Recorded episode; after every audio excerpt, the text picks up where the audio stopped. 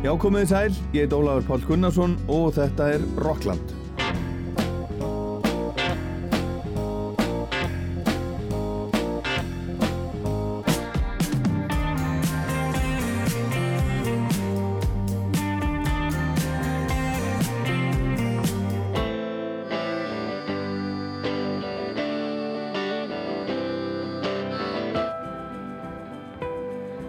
Hljómsveitin The Vintage Caravan var að senda frá sér frábæra plötu á förstudaginn, kraftmikla rockplötu sem heitir Monuments.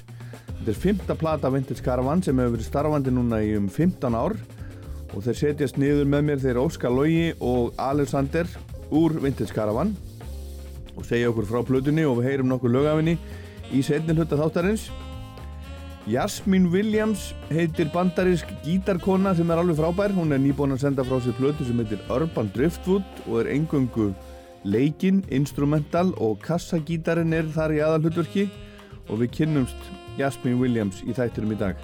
Við heyrum líka nokkur lög af vantanleiri blödu skórsku hljómsveitarinnar Teenage Fan Club sem kemur út núna í lok apríl en byrjum á að skella okkur á tónleika með U2 en U2 var að senda frá sér á netinu Spotify og svona fjögur lög frá tónleikum sem að fóru fram í París 7. desember 2015 í Innocent and Experience turnum. Það er alltaf eitthvað að gera hjá U2 þó svo þið séu ekki að túra þeir eru að risastóran hópa aðdáanda um allan heim sem fylgist með öllu sem hljómsveitin gerir og þeir eru með stóran aðdáandaklub og ef maður er í honum og greiðir ákveðið árgjald þá fær maður reglulega sendt heim til sín hitt og þetta tónleika á geysladiskum til dæmis, já það er ennverðið að gera geysladiska og þeir standa vel fyrir sínum. En U2 hefur verið í samstarfi við YouTube undanfarið og YouTube hefur verið að sína tónleika með U2 sem hafa verið gefnir út á DFT gegnum tíðina. En tónleikarnir fá ekki að vera á YouTube endalust, þetta er efni sem er sett inn og er svo tekið út aftur á ákveðnum tíma liðnum. Þeir gáðu þessu nafnið Virtual Road og þarna voru til dæmis tónleikarnir í Slane Kastala fyrir utan Dublin 2001, Red Rocks í Colorado 1983 og Pop Mart í Mexico 1997. Og einn af þessum koncertum er Parísa koncertin úr Innocent and the Experience turnum og lögin fjör sem við ætlum að hlusta núna eru tekin þaðan. Hér er U2 í París 2015.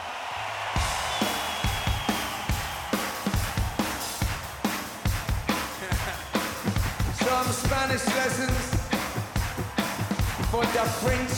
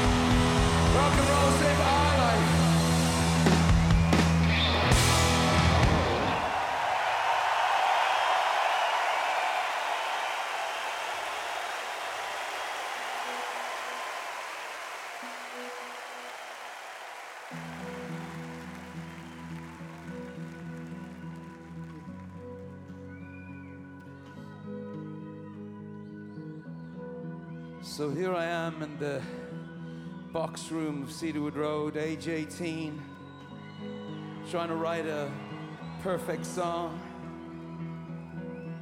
for a perfect girl called Alison Stewart.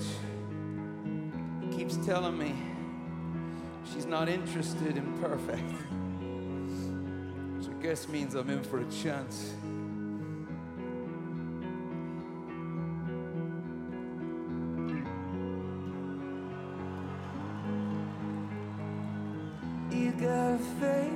not spoiled by beauty. I have some scars from where I've been. You've got eyes that can see right through me. You're not afraid of anything they've seen. I was told that I would feel nothing the first time. I don't know how these cuts heal but in you I found the right. There is a light, you cannot.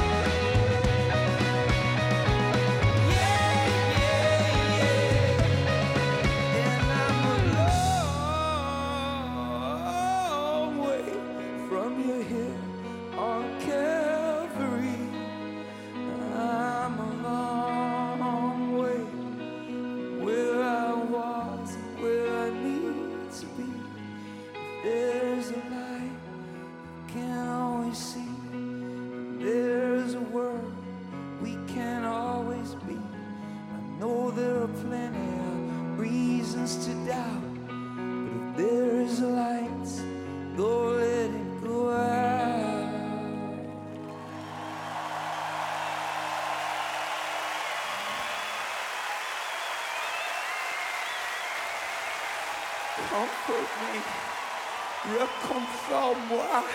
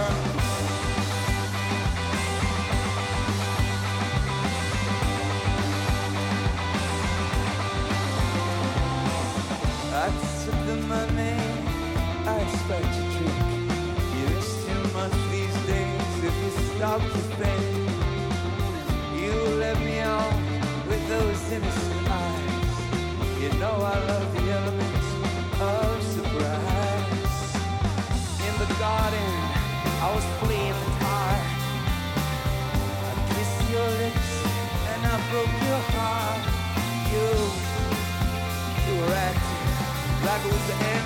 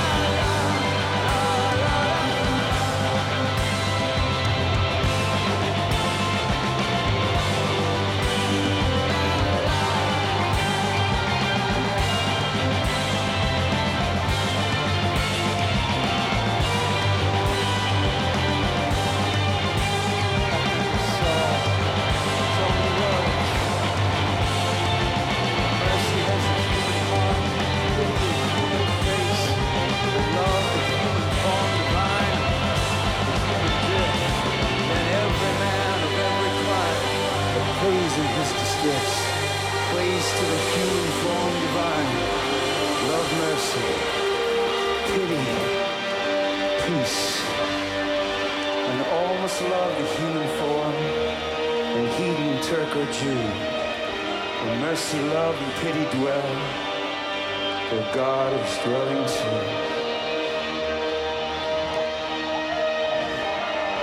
Where mercy, peace, and pity dwell, where God is dwelling too.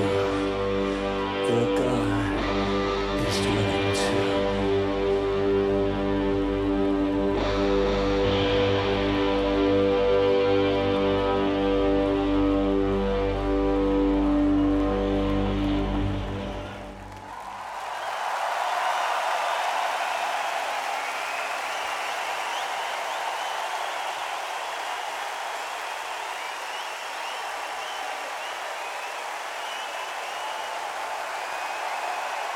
City of Lovers, City of Light. I want to sing this next for, for lovers who've lost lovers.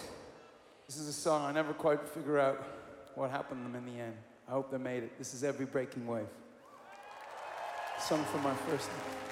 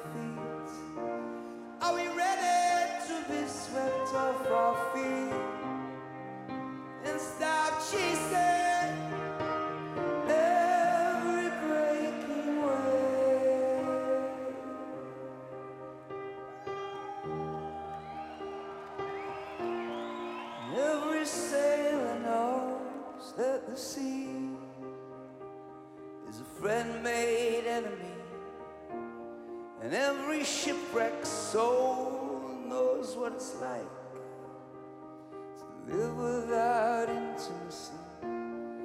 Thought I had the captain's voice. It's hard to listen while you preach, like every broken wave on the shore. This is as far as I could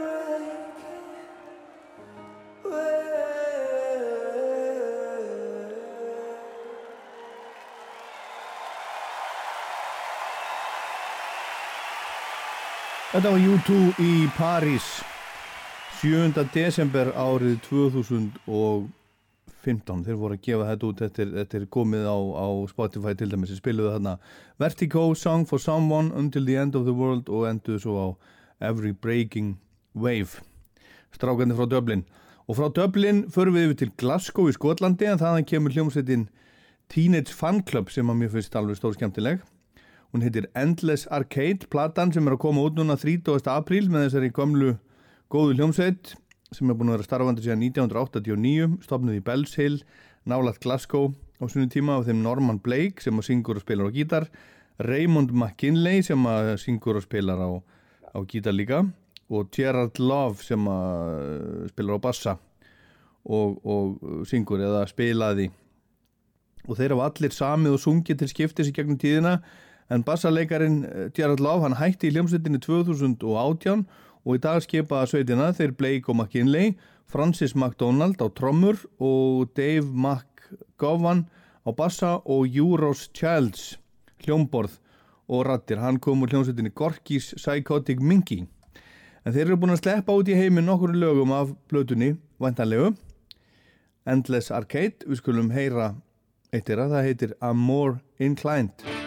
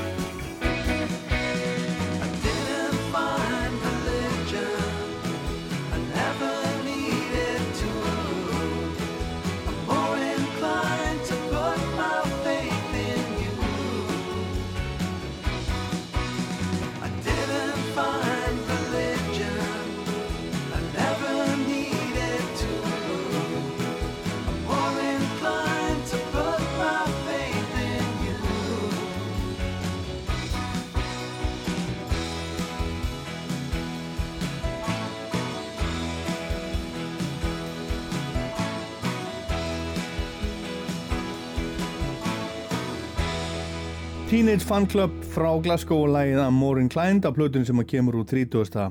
april Endless Arcade. Hún átti uppáfilega að koma út í massi fyrra en vegna COVID var útgáðinni slegi á frest og hún er lóksins að koma út núna. Og það var búið að skipulegja Evropatúri í november og desember síðastliðin en nú ætlaði það að túra í september um Breitland og fara svo til Evrópu í apríl og mæ á næsta ári Við skulum heyra næst lag sem er eftir eitira Norman, Norman Blake.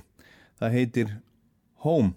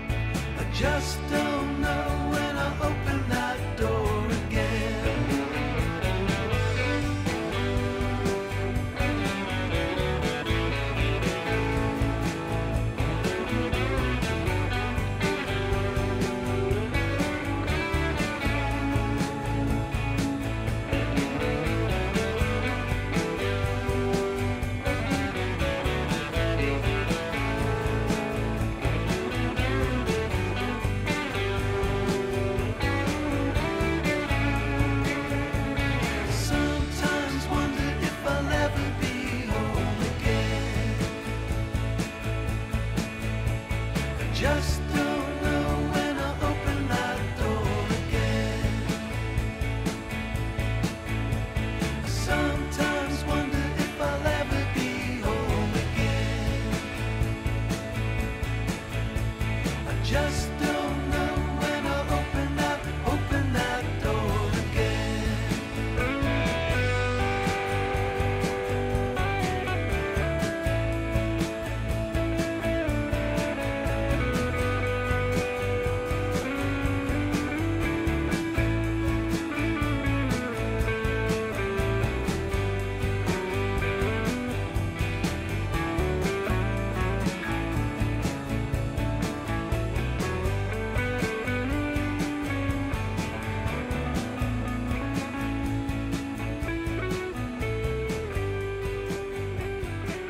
Teenage Fan Club og lag sem heitir Home og það er, það er myndband við þetta lag sem er komið á, á ég geti séð það til dæmis á, á YouTube Skulum heyra eitt lag til viðbótar af þessari 11. plötu Teenage Fan Club sem er að koma út Endless Arcade og það er líka eftir Norman Blake eins og lagið sem við vorum að undæfa hlust á og það heitir The Sun Won't Shine On Me og það er mikil börns áhrif alla tíð í þessu bandi og það heyri sér rattir og gamlir ramaskítarar.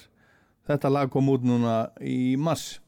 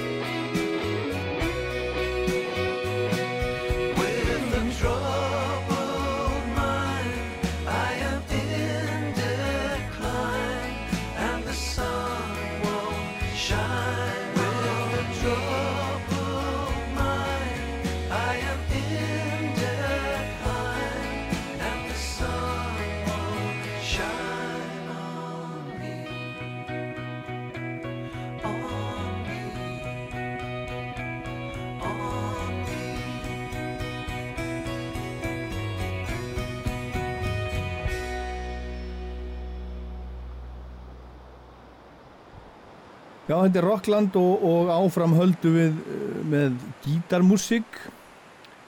Förum næst til Bandaríkjana og heyrum í ungri konu sem er búin að mastera gítarleik. Hún heitir Jasmine Williams. Hún er 24 ára. Blökku kona, alin upp í vestur Virginíu og byrjaði að spila á gítar í tölvuleiknum Guitar Hero þegar hún var 11-12 ára gömul. Sem er auðvitað ekki alvöru gítar, maður spilar ekki alvöru gítar þar en í Guitar Hero fekk hún áhuga á að spila á gítar.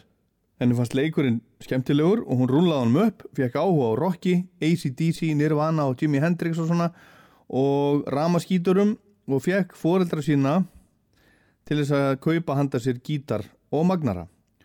Og þau gerðu það sem sagt og, og hún kendi sjálfur sér að spila á ramaskítarinn.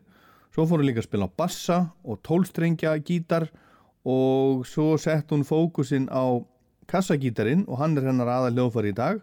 Og hún var að senda frá sér plötu sem að heitir Urban Driftwood og ég rakst á greinum hann í Jasmín í nýjasta hefti Mojo og ákvaða að tjekka á henni og finnst hún alveg frábær, hún er magnaður gítarleikari.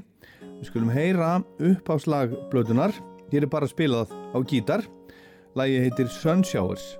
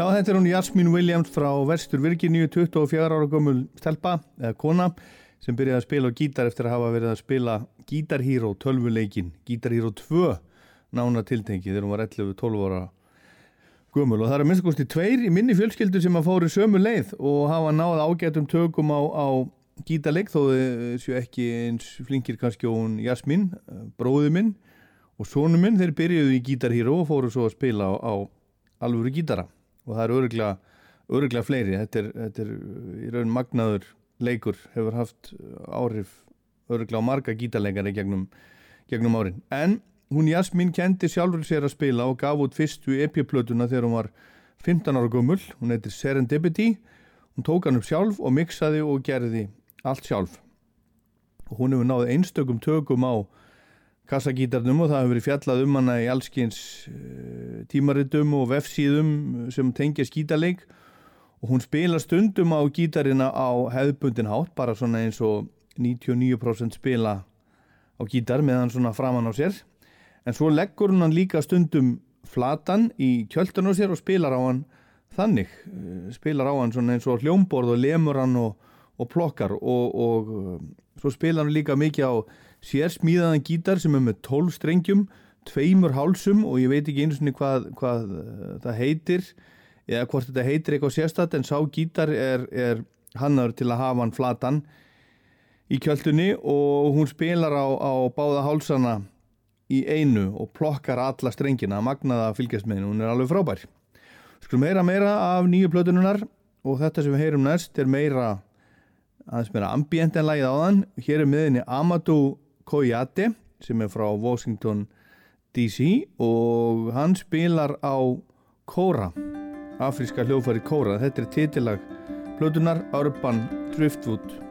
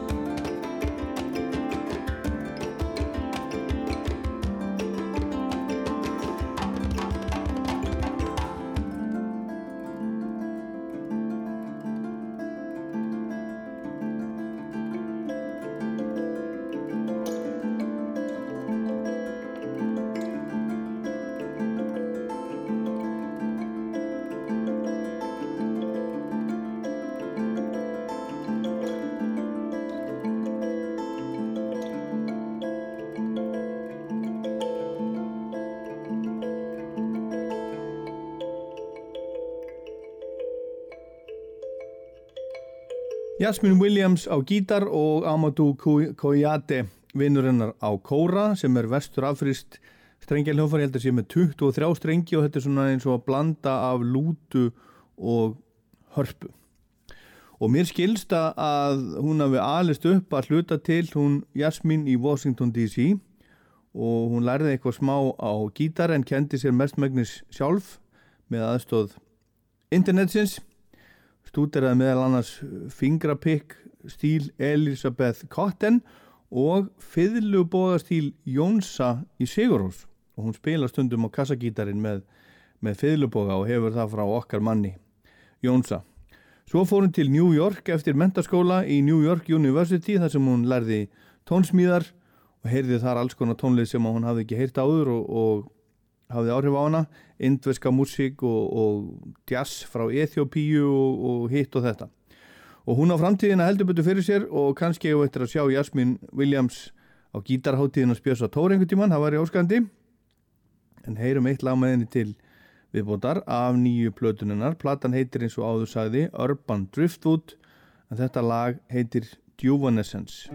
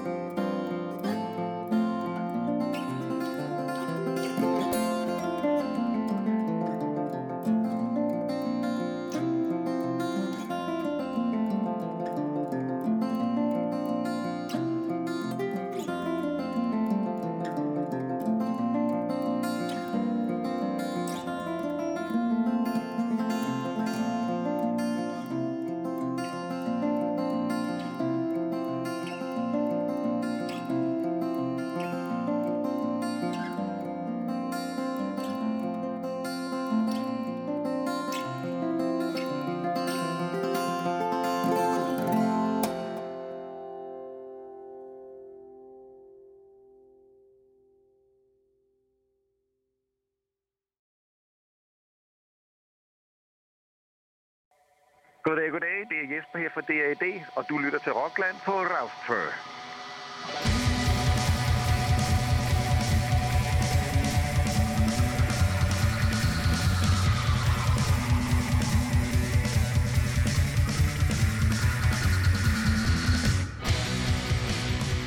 Já, það held ég. Íslenska rocksveitin The Vintage Caravan sendi frá sér 50 hljóðvitsplötunum sína núna á förstu daginn. Hún heitir Monuments og er alveg stór skemmtileg. Lægi Whispers sem að hljómar hérna undir hefur verið spilað svolítið hérna hjá okkur á Rástöða. Og platan er plata vikunar á Rástöða núna í þessari nýbyrjuðu viku. Og Vintage Caravan er tríó af Áltanesinu, Óskar Lógi Ágúrsson, hann spilar á gítar, Alexander og syngur Alexander Örn Númarsson spilar á bassa og Stefán Örn Stefánsson spilar á trommur. Og þeir Óskar og Alexander eru komnir hinga til okkar í Rockland og við ætlum að heyra nokkur lög af, af plötunni í dag. Velkomnir og til hamingi með plötuna. Kæra þakkir, takk fyrir að fá okkur Herðu, þetta er hérna glæsilegur, glæsilegur gripur, lítur vel út og, og, og svona, tvöfaldur vínil.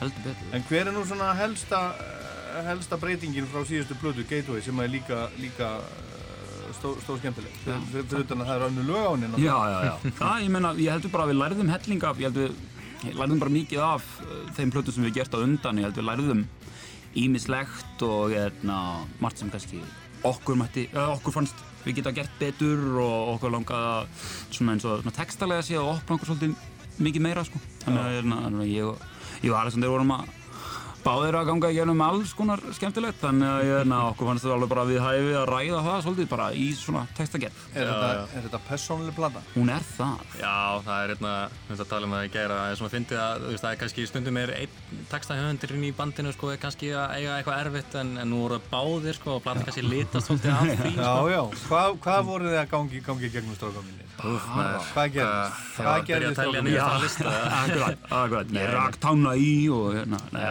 ég meina það er náttúrulega bara ímislegt, þú veist, og hérna, náttúrulega ekki, þú veist, sístaðan náttúrulega við erum náttúrulega búin að vera frá öll okkar fulllarins ára að túra heiminn og það er bara ímislegt sem að fylgir því, hérna. já, það er, já, algjörlega, ég, ég, ég, ég lendi í, hérna, já, ég lendi þeim hremmingum að ég misti bróðu minn 2018 og svona, þannig að ég, hérna, þannig að það eru alls konar þannig hlutir sem höfðu gífalega áhrif og svo eru margt annað bara svona í persónulega lífinu sem Svona er þetta maður, þetta, þetta er samt hressplata, þetta er ekki algjör dánir sko, Já, ég já. sver sko, þó það eru lögana sem eru fara djúft þá er samt, það er samt alveg gaman. Já, já. Já. En hvar, hérna, en hvernig, hvernig semjið þið og, og hvar? Hvernig verður þetta, þetta til? Allur gangur á því sko. Já, Ég- kannski meira, meira núna þessari plötu hefur verið svolítið svona lög gerði í sitt hvora lægi og svo komið með það. Við, samt, við vinnum alltaf úr efninu svolítið mikið á æfingum þannig að þannig að það er yfirleitt ég eða Óskar sem að koma með hugmyndir en svo vinnum við með Stefáni við þrýr allir hérna úr þessu og, og þannig skapast svona lögin sko. þannig að þetta er svona, er allir rosa mikið með puttana í, í öll efninu sko. Algjörlega. Þetta er, já, ég menna, þetta var svona, þú veist, eh, þú veist, flestir halda svona, þetta, svona tólist bara, maður kemur bara og það er bara, það er bara G og C og svo bara kemur eitthvað, þú veist, na, en það er, sérstaklega þessar hlutu, það var alveg bara ekki neitt svoleiðis, held ég. Kannski fyrir utan, fyrir utan kannski, hérna, Whispers. Já, það já. kom svolítið svona, En það verður til í djammi svona, hérna, en þó við, við djammum nú mikið en, en það er nú, að ég veit ekki, við erum bara ekki alveg, eða, veist, við, við semjum bara ekki þannig lög, svona, þú veist, við erum svona svolítið í hnýttmeðari pælingum oft, þú veist, þó við séum að gera lengri lög þá eru við samt svona yfirleitt, það er aldrei svona, þú veist, það er aldrei, þú veist, svolítið miður njörfuð. Eh, já, akkurat, akkurat, Já. En æfið þið mikið? Ekki lengur, en hérna, Er þið búin að æfa ykkur? Já, já, við, við gerðum það nú mikið en, en hérna, þegar við erum búin að vera alltaf svona á miklu flakki sko, þá er bara, það meikar ekki sensur okkur að vera með æfingarhúsnaði á leigu hérna heima Nei. og, og þú veist, og svo erum við með húsnaði úti til dæmis í Belgíu hérna, það? Já, erum við mikið þar á milli túra sko, hérna, Það græðin okkur þar og svona. Já. Þannig að já, við eigum sérst backline í Európu og, og, og gerum út þaðan sko. Og hérna, en svona þegar við erum heima þá er kannski þess vegna sem að er rosa mikið sami í sekkur lægi að þessari plötu Já. af því að við vorum kannski minna að æfa. En svo fyrir svona mánuðið eða tveimur fyrir plötuna þá vorum við bara, þá var þetta bara fymta vinnuvika, bara, við vorum bara mættum bara í æfingarhúsnaði og vorum bara, já, hvað, þetta lag bara, nú ætlum við bara að leysa þetta. Já. Klára þetta Já, þetta var svolítið, já, meirins að hittumst á gamlárs uh, dag, sko. já, akkurat, já, já, já, já. 31. Já, Já, og við hittumst bara þá og vorum bara, tókum alveg, hvað, alveg fjara tíma æfingu og eitthvað, rættum, rættum hlutin alveg í gegn, sko. Já, já. Við máttum eiginlega engan tíma að missa þannig séð. Þetta er svolítið fyndið hvað hún kemur saman temmilega fljótt, sko. Þetta er í rauninni bara eitthvað svona fjagra mánaða prósess sem hún svona er að fæðast, sko. Og, en það er samt mjög hart unnið á þessum fjórum mánuðum. að semja og taka upp. Já, já, fjór, já, að semja á þess fyrir upptökur sko. Svo eittu hann að þrema vikum í, í hljóðrita. Hljóðrita í Hafnarfirði með, með erlendum upptökustjóra? Jú, Ian Davenport, já, Já. félag okkar sem hefur hérna, uh, gerði gateways með okkur líka og, og já, stórkostlegur maður og hann hefur unnið með hérna, svolítið mikið með Radiohead köllunum og, og uh, Supergrass akkurat, hérna- Band of Skulls. En sem er. Nú, var- nú var alltaf í gamla daga þá var alltaf, alltaf að tala um hljóðrita sándið það er nú ekki Já. mikið, það er nú ekki mikið hljóðrita sánd á þessari blödu eða þú veist það er ekki svona akkurat. það rosalega kraft mikið þetta er rosalega mikið kraftur á blödunni og, og frábær spilamennska og ógeðslega þéttir. Þetta er, alveg, þetta er magna band sko. Innilega þakkir, það er fallega sagt. Ég held að, ég held að sound þessar blötu komið svolítið mikið einmitt, hérna, bæði það að við erum að vinna í annarskipti með þessum upptökustjóra sem er alveg, hann er alveg þvílíkt talent sko, alveg bara, og er búin að vera það, í Bretlandi þá eru eins og Íslandi þá er allir uh, hljóðmenn eru annarkort, veist, eru bæði live hljóðmenn og upptökustjórar á plötum og svona, en þarna í Bretlandi það er bara heil kynslu af fólki sem að bara hefur aldrei gert live hljóð, þú Já. veist. Nei, bara unnið að plötum alla sína æfi, þú veist, og hérna, hann er af þeim, þú veist, og, og við kannski líka bara verandi á fymtu plötu, vera orðið svolítið confident með göngum inn í stúdíu og vitum svolítið hvað við viljum fá og hvernig við viljum ná því fram, sko. Svo reyndar náttúrulega sko, svona, talandi svona hljóðrita sándi sko, bara, þú veist, það er þessi hlýja. Ég hef alltaf tengt mm. hljóðrita sándi við hlýjuna sko, en ég veit að á einhverjum tímpunkti kannski á nýjunda áratögnum þá þótti, þótti það ekkert eitthvað rosa cool hérna, að fá hljóðrita sándi sko, en, ég, hérna, en ég meina þetta er hljóðrita er frábær stúdíu besta stúdíu bara, og bara, við erum að varðveita það það má má ekki skemma það Ég bara 100% samanlæði. Ég heyrði einhvern tíma einhverja hryllingssögu einhver plön og ég er vona að það sé ekki satt sko. Nei, að við ég er skulum vona na- En hann við alltaf þess að svona hlýju í trommusandið sem er hana, Mm. hana inni sem er alveg bara, sem ég finnst spila stóran part sko í, Mm. í hvað, hvað við, náðum að ná fram sko. Herðu, við skulum heyra hérna næst lag sem heitir Dark Times hvaða, hvaða dimmu tíma er það, er það að fjallum þar? Ég Er held að það- sé bara svolítið maður COVID? Nei, rauninni, hún alltaf er náttúrulega öll tekinu upp hana fyrir COVID sko, rétt náum að taka hana upp hérna, hann hefur verið í hvað, februar, mars 2020 að taka hana upp og Já, hérna, það er svona langt síðan, þeir eru búin að sita Já. á henni síðan Já, þannig að við höfum nægan tíma til þess að að nostra við hérna, að hljóðblandana og, og Já, svo já, sko. hún var kannski 5-6 mánuði í mixi og svo voru hann aðra 2-3 í masteringu. Já, já, já, Það var meira ruglið. Það var dýrt en, en uh, dýrt ferli en vissulega uh, gott Endaði- ferli upp að það endaði rosa góð fínum stað sko. Þannig að, en þetta lag, jú, það fjalla svolítið kannski bara um að mála sig svolítið út í horn, hérna, með eigin ákvörðanatökum sko. og, hérna, og, og vera svolítið fastur þar og já, og vera, já, kannski ekki á besta staði í hausnum sko. þannig að það er svolítið hvaðan það kemur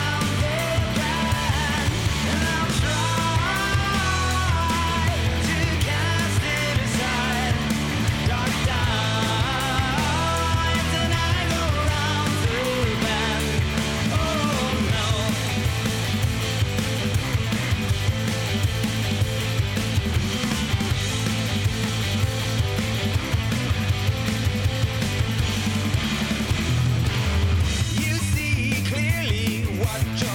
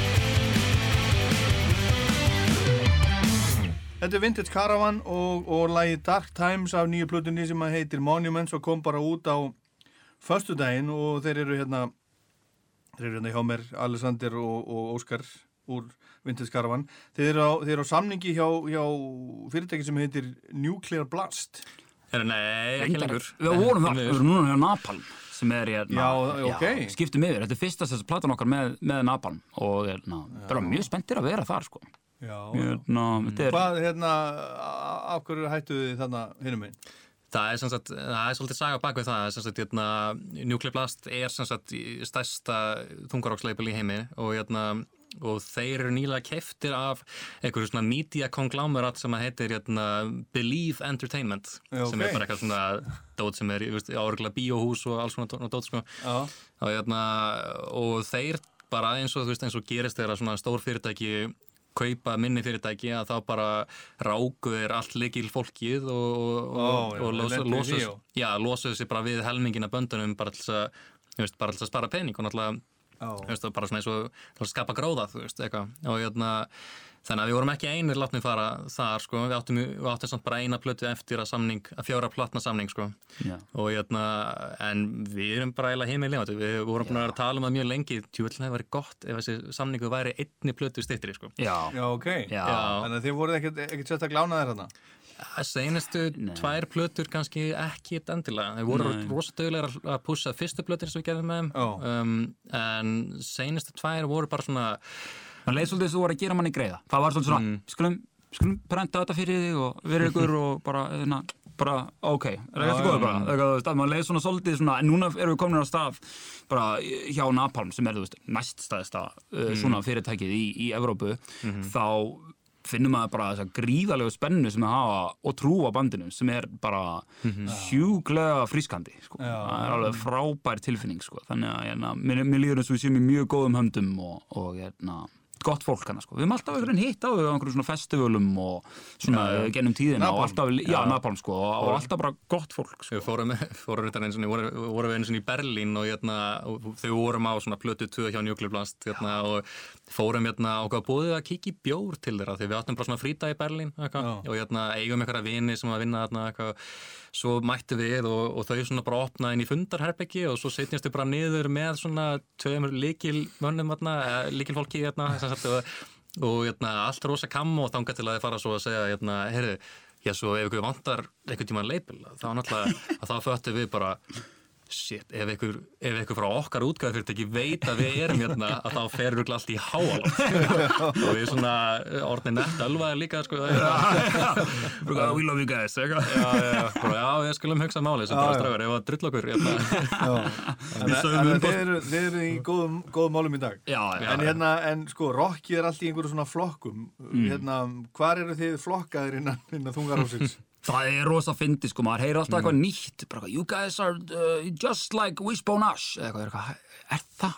Eitthvað, þú veist eitthvað, as you are Já. progressive trumpet rock uh, Nei, eitthvað, þú veist, Já. whatever, skilur Það er, ég er einhvern veginn, með tímanum hefur alltaf orðið minna og minna að ég er að fylgjast með þessum label sko. Núna erum við progressive rock. Já, Við vorum hérna, ég- Napalm kom því svolítið að maður sér það alltaf bara svona í eitthvað svona press release bara eitthvað, prog rock, eitthvað, bla bla bla eitthvað bara eitthvað, ó, ok, þá erum við bara það Algjörlega. Ég sé okkur bara sem rockband sko. Við erum bara rockband og við erum bara hræri grautur af allskins hlutum sem við höfum heyrt í gennum tíðina og okkar eigin hérna, okkar eigin sound sko, sem við finnst við einhvern veginn virkilega ná fram á þessari nýju plötu sko, svona, svona establish okkur sko. en, en svo er hlutir eins og ég hef oft sagt þetta í viðtunum þegar ég er að tala um þetta sko, þegar tala um svona label og svona sko, það tala um grunge. Þú veist, Nirvana á mínum að þetta er eina bara svona grunge bandið sko.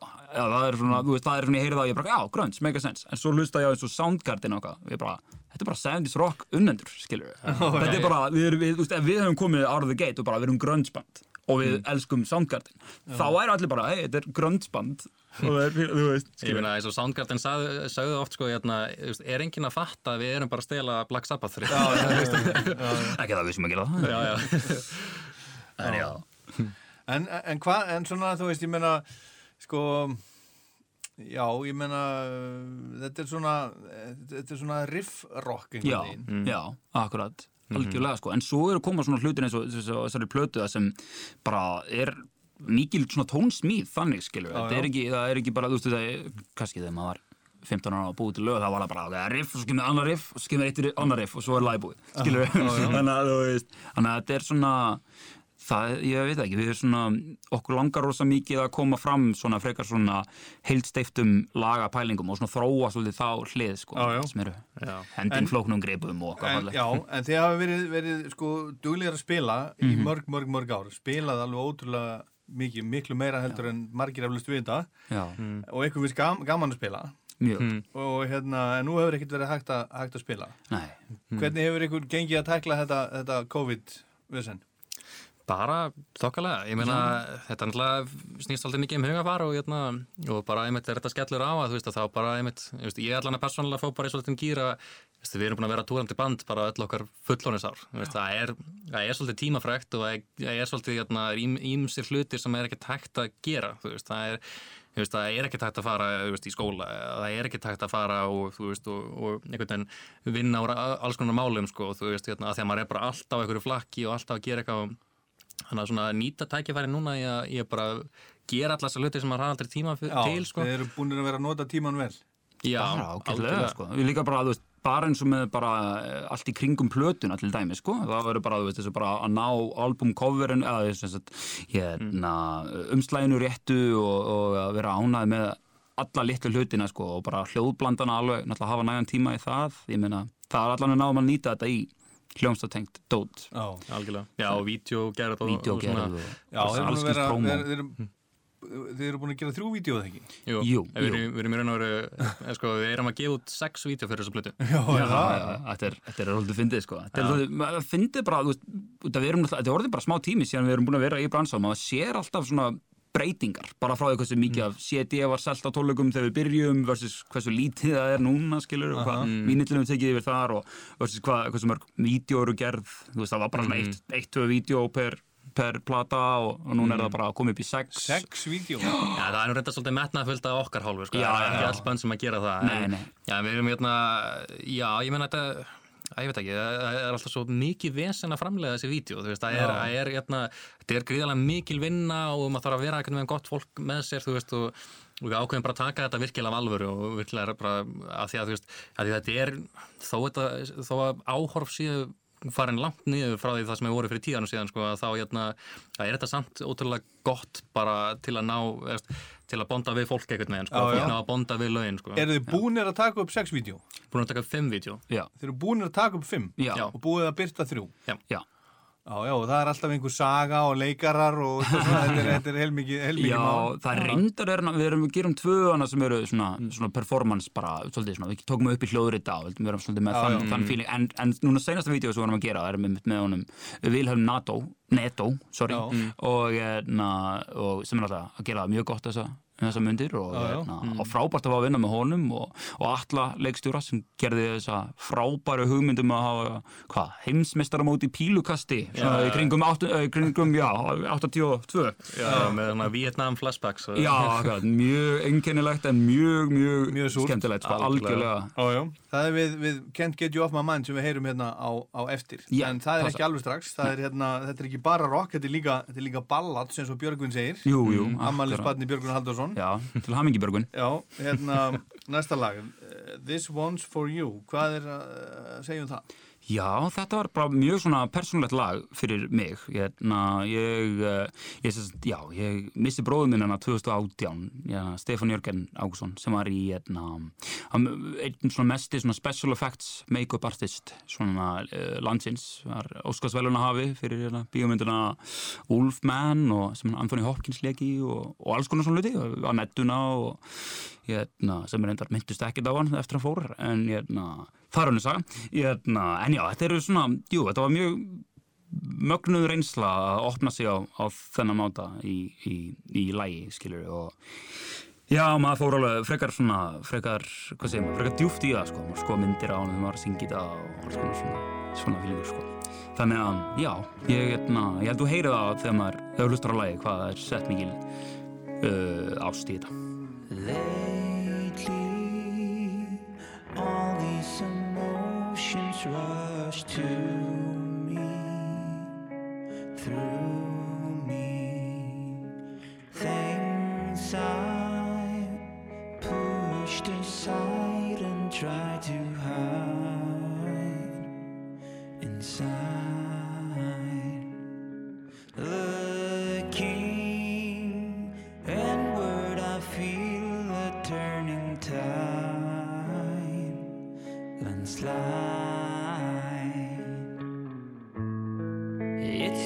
So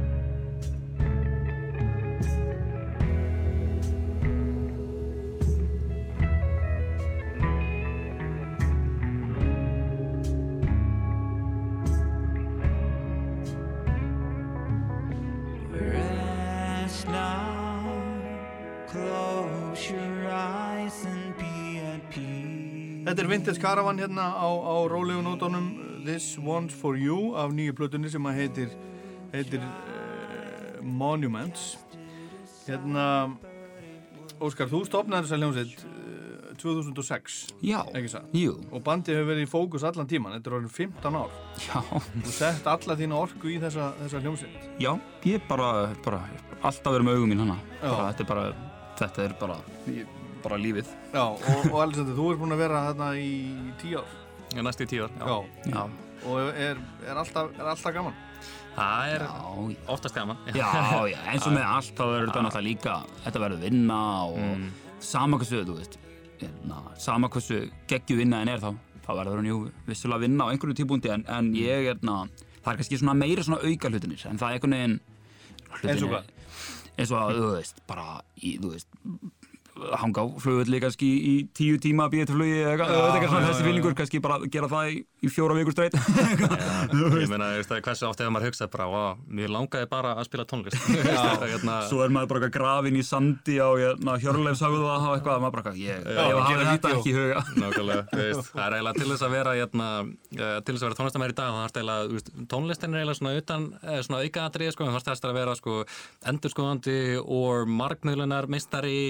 en að og og þú veist, og you name it, sko, það þarfst eiginlega bara að vera, geta verið bara allt góð leikari.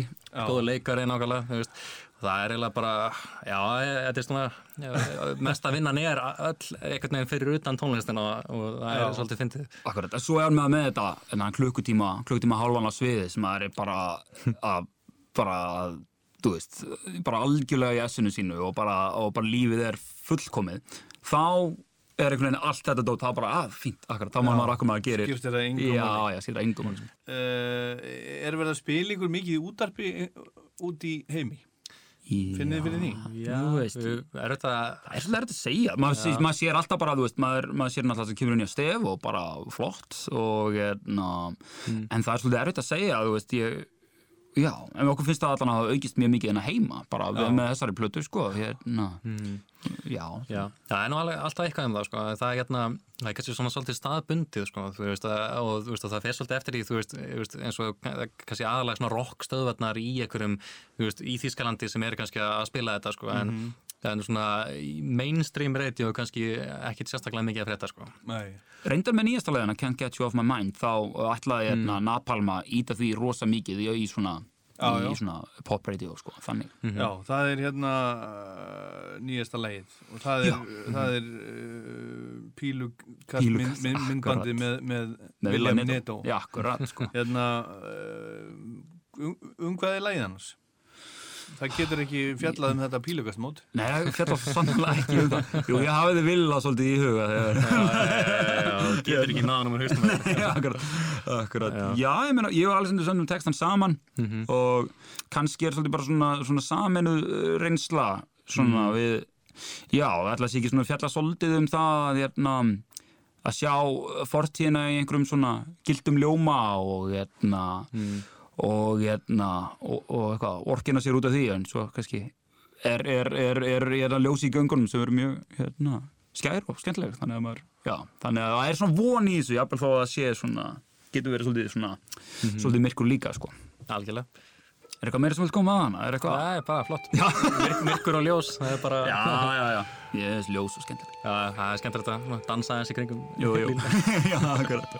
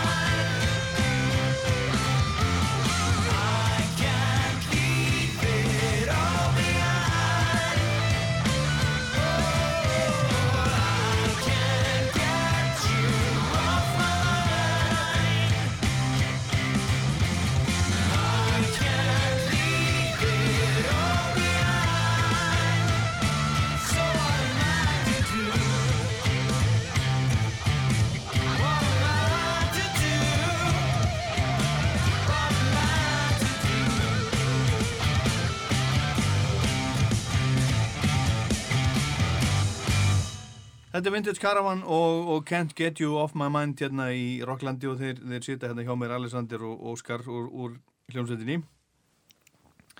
Uh, ég veit, Óskar, að þú sapnar uh, gömlum plötum og gullin í Mhm. plötusafninu þínu eru til dæmis með trúbrott og náttúr og svamfríði og slíkum sveitum einmitt sem voru uppi fyrir svona hálfri öld. Já, Hérna, hvað með aðrar, aðrar fyrirmyndir? Ég meina það heyrist alveg, áhrifin heyrast alveg, alveg úr því. mhm Hvað með aðrar, aðrar fyrirmyndir?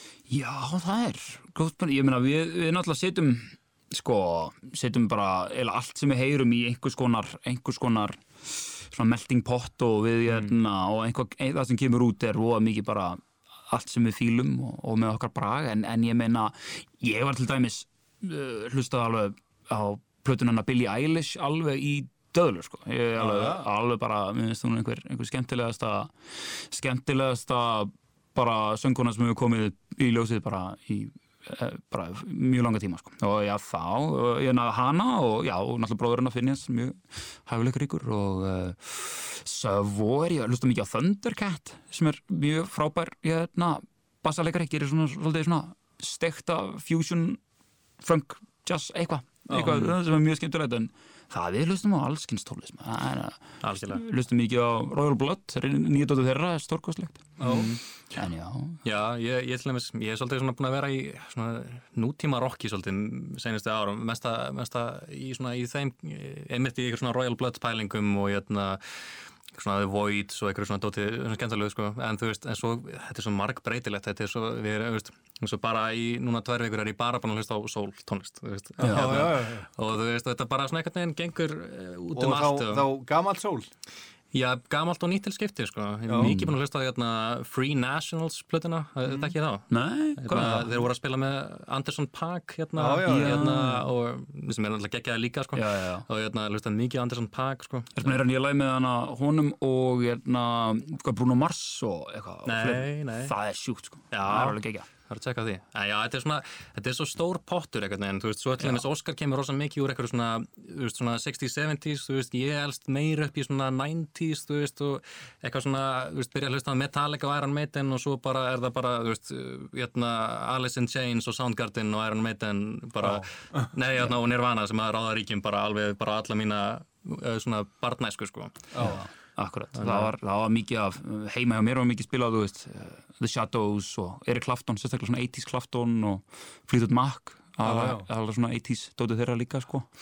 Og, og mikið af, og bróður minn heitinn spilaði mikið af svona Uh, alls konar mikið af svona 80s cheesy tónlist sko, Yazoo og, og eitthvað svona dót sko, ég elska Yazoo uh, allt svona það og modern talking og þannig dót sko, og kraftverk, rosa mikið af kraftverk sko. Já, já. Þannig að já, já, það er allt að svona. það er, það er allt mög, mögulegt í gangi. algjörlega. En eru einhverjir, með, með einhverja plötun, er einhverjir, er einhverjir gestir, er einhverjir aðrir heldur en þið sem að spilið?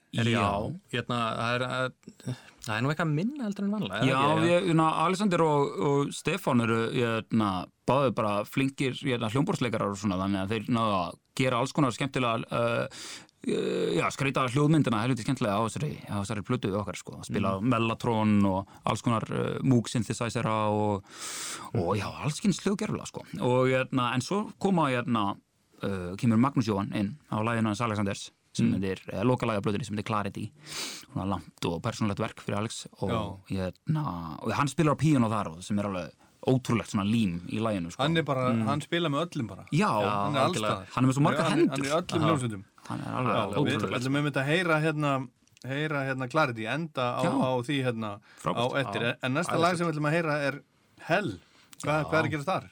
Já, það er, hérna, Já, það er eitt af þessum svona þessum persónulegu Þetta þetta er akkurat eitt af svona, þetta er svolítið svona svipa kannski eins og Dark Times, það er svolítið svona ég og Alexander að gangi í gerðum eitthvað svipað og svolítið mm. bonda, bonda með það sko ég, na, við sömdum textana mestuleiti í sumabústað hjá Alexanderi ég, na, í, uh, hvað, Árnesi eða ekki, nei, bara í, hérna, Nei, hvað heitir, ekki Árnes Kaldárseli. Kaldárseli, akkurat, það var eitthvað Já, en jú, ég, na, já og tja, hvað er þetta að segja um þetta lag? Já, kannski hérna, skemmtilegt að tala um eins og hljóðheimurinn á þessu lægi er svolítið öðruvísi heldur en á restina af plötunni og kannski Já. svona svolítið frábærið því sem við höfum verið að gera áður hann er svona svolítið ég veit ekki, það er eitthvað svona pínu svona kaldur 80s feelingur af þessu leiti en samt ekkert með rosa náttúrulegt og, Já. og við, svona, við fórum svolítið önnur hljóðfæri og bara aðra pælingar heldur við erum vanir og það verður svona svona, kannski aðeins kurteisar af mörgu leiti svona sándið en, hérna, en fitta bara ekkert neginn vel við lægið og og líka bara við plötuna og það, hún, mm. kemur svona staða sem hún svona, það, er svolítið svona bylgjur, það er mjög intense lag og svo er lag svona eins og þetta lag sem svona brýtur þetta svolítið upp. Já, já, já, ég fæ þetta smá Joy Division feeling þegar við talar um kalt 80 sko. Það er hana, það við notum, þú spilar á það held ég hérna, svona þetta er Solína, eða ekki? Svona Já, string, já. stringansambúl, já, já, geggja, geggja dæmi hérna, þetta er bara hana Love Will Tear Us Apart synthesizerinn sko já, já, já, já, akkurat. Geggja dæmi sko, það er einhvern veginn bara situr svo vel í dæminu og, en þú veist, það er svona einmitt í því lagi líka, gerir þetta svo epíst og við erum með rosa mikið einhverjum svona Disney-röttunum og já, já, það er hérna. Disney. Heyrum, heyrum hell. Já. A brand new world. Já,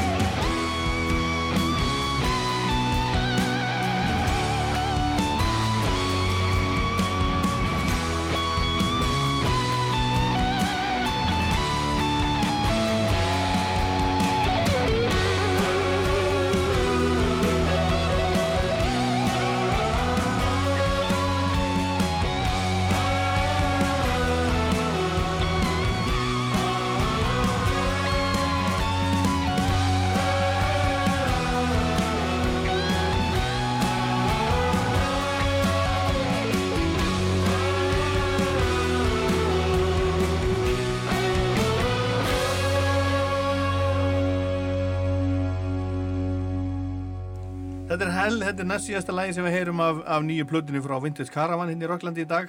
Við erum hérna hjá mér ennþá, Óskar og, og Alexander. Hérna, um, hún kom bara út á föstudaginn en uh, þið, eru, þið voru búin að senda hana hing, hinga á þanga til þess að fá dóma. Já, Og hefur hún ekki verið að fá fína dóma? stórkostlega. Já, ég var reynd að lesa, við vorum að fá tölvupóst sko, og, hérna, og það var alveg því líkur haugur af dómum og við vorum að Já, alveg bara alveg telur upp í eitthvað svona yfir hundrað núna eitthvað sko, og, hérna, og þetta er bara já, þetta er eiginlega bara unanimously bara, bara all, allir eru bara í skíðuna með þetta einhvern veginn. Og það er bara frábært tilfinning. Akkurat sko, já, það er hérna, og líka bara það sem að sé rosalega oft í þessu er bara besta vintage caravan plata ever, bara það er rosa að það hefur verið vera svolítið svona þráður í þessum, þessum þannig að það ég er held bara ég getur nú alveg tekið undir það. Já, já, gleður Já, okkur við að líka. En mér varst, Já, var, já. Gateways alveg fellega flott sko. Já, takk fyrir, og bara við vorum afskaplega ánægði með hana en, hérna, en það, er veginn, það er alltaf einhvern veginn næsta stig, finnst mér sko, það er alltaf bara og núna, þú veist, núna er, þú veist, ég held að, þú veist, örgulega í næstu viku þegar allt svona aðeins, svona, allt fer svolítið niður, þá, þá kemur þessi rödd inn sem er bara, já, já, toppa,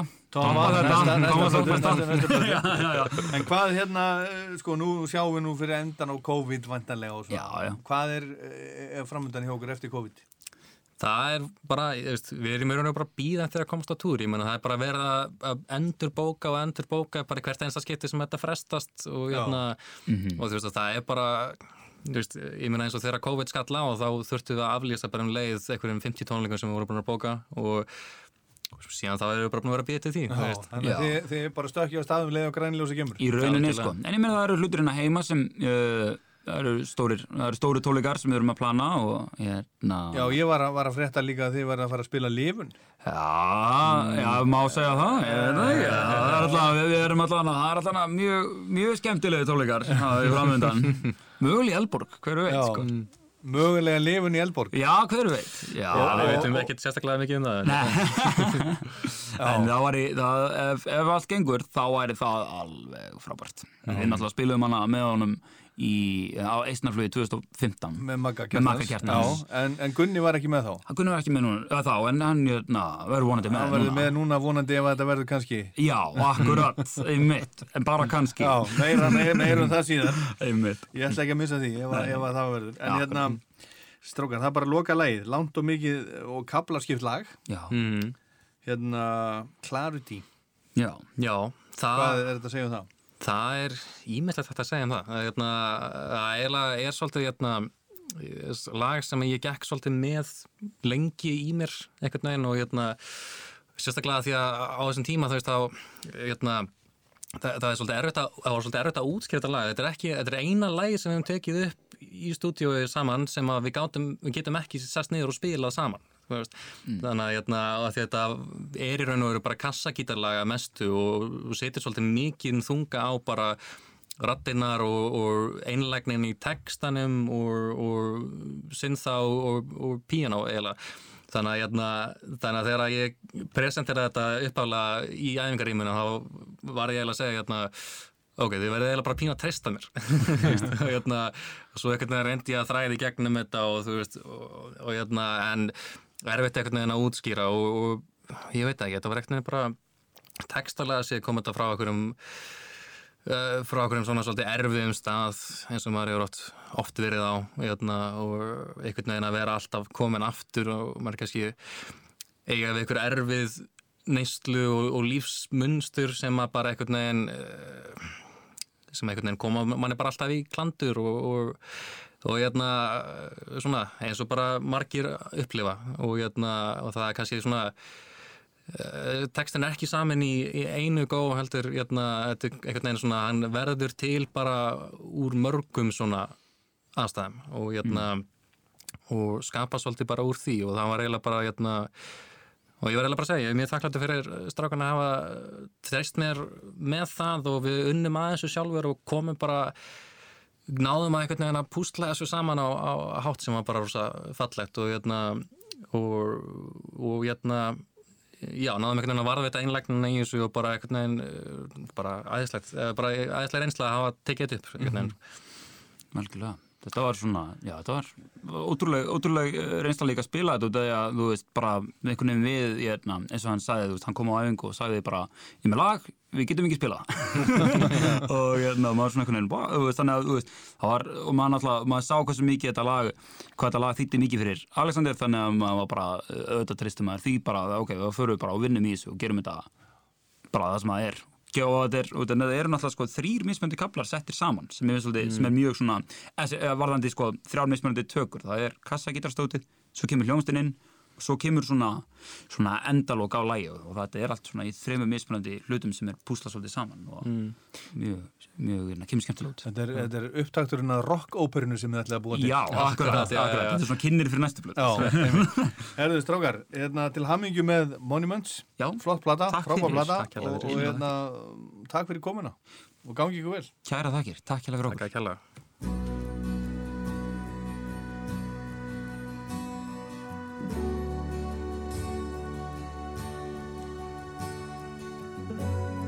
Og þannig enda Rockland dagsins, ég minni á Rockland á rúf.is og í rúf spilaranum, fullt af þáttum þar og, og podcast á iTunes og Spotify til dæmis og Rockland mælir með lagalistin á Spotify, minni á hann líka.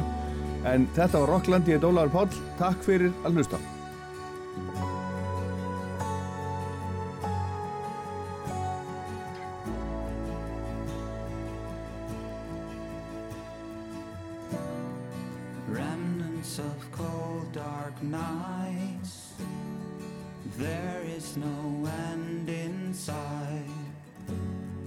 Shiver and I can hardly breathe.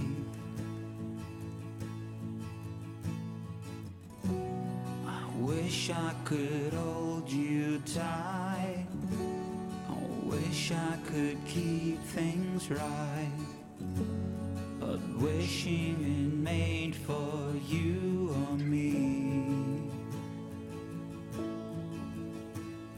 Dreaming silently.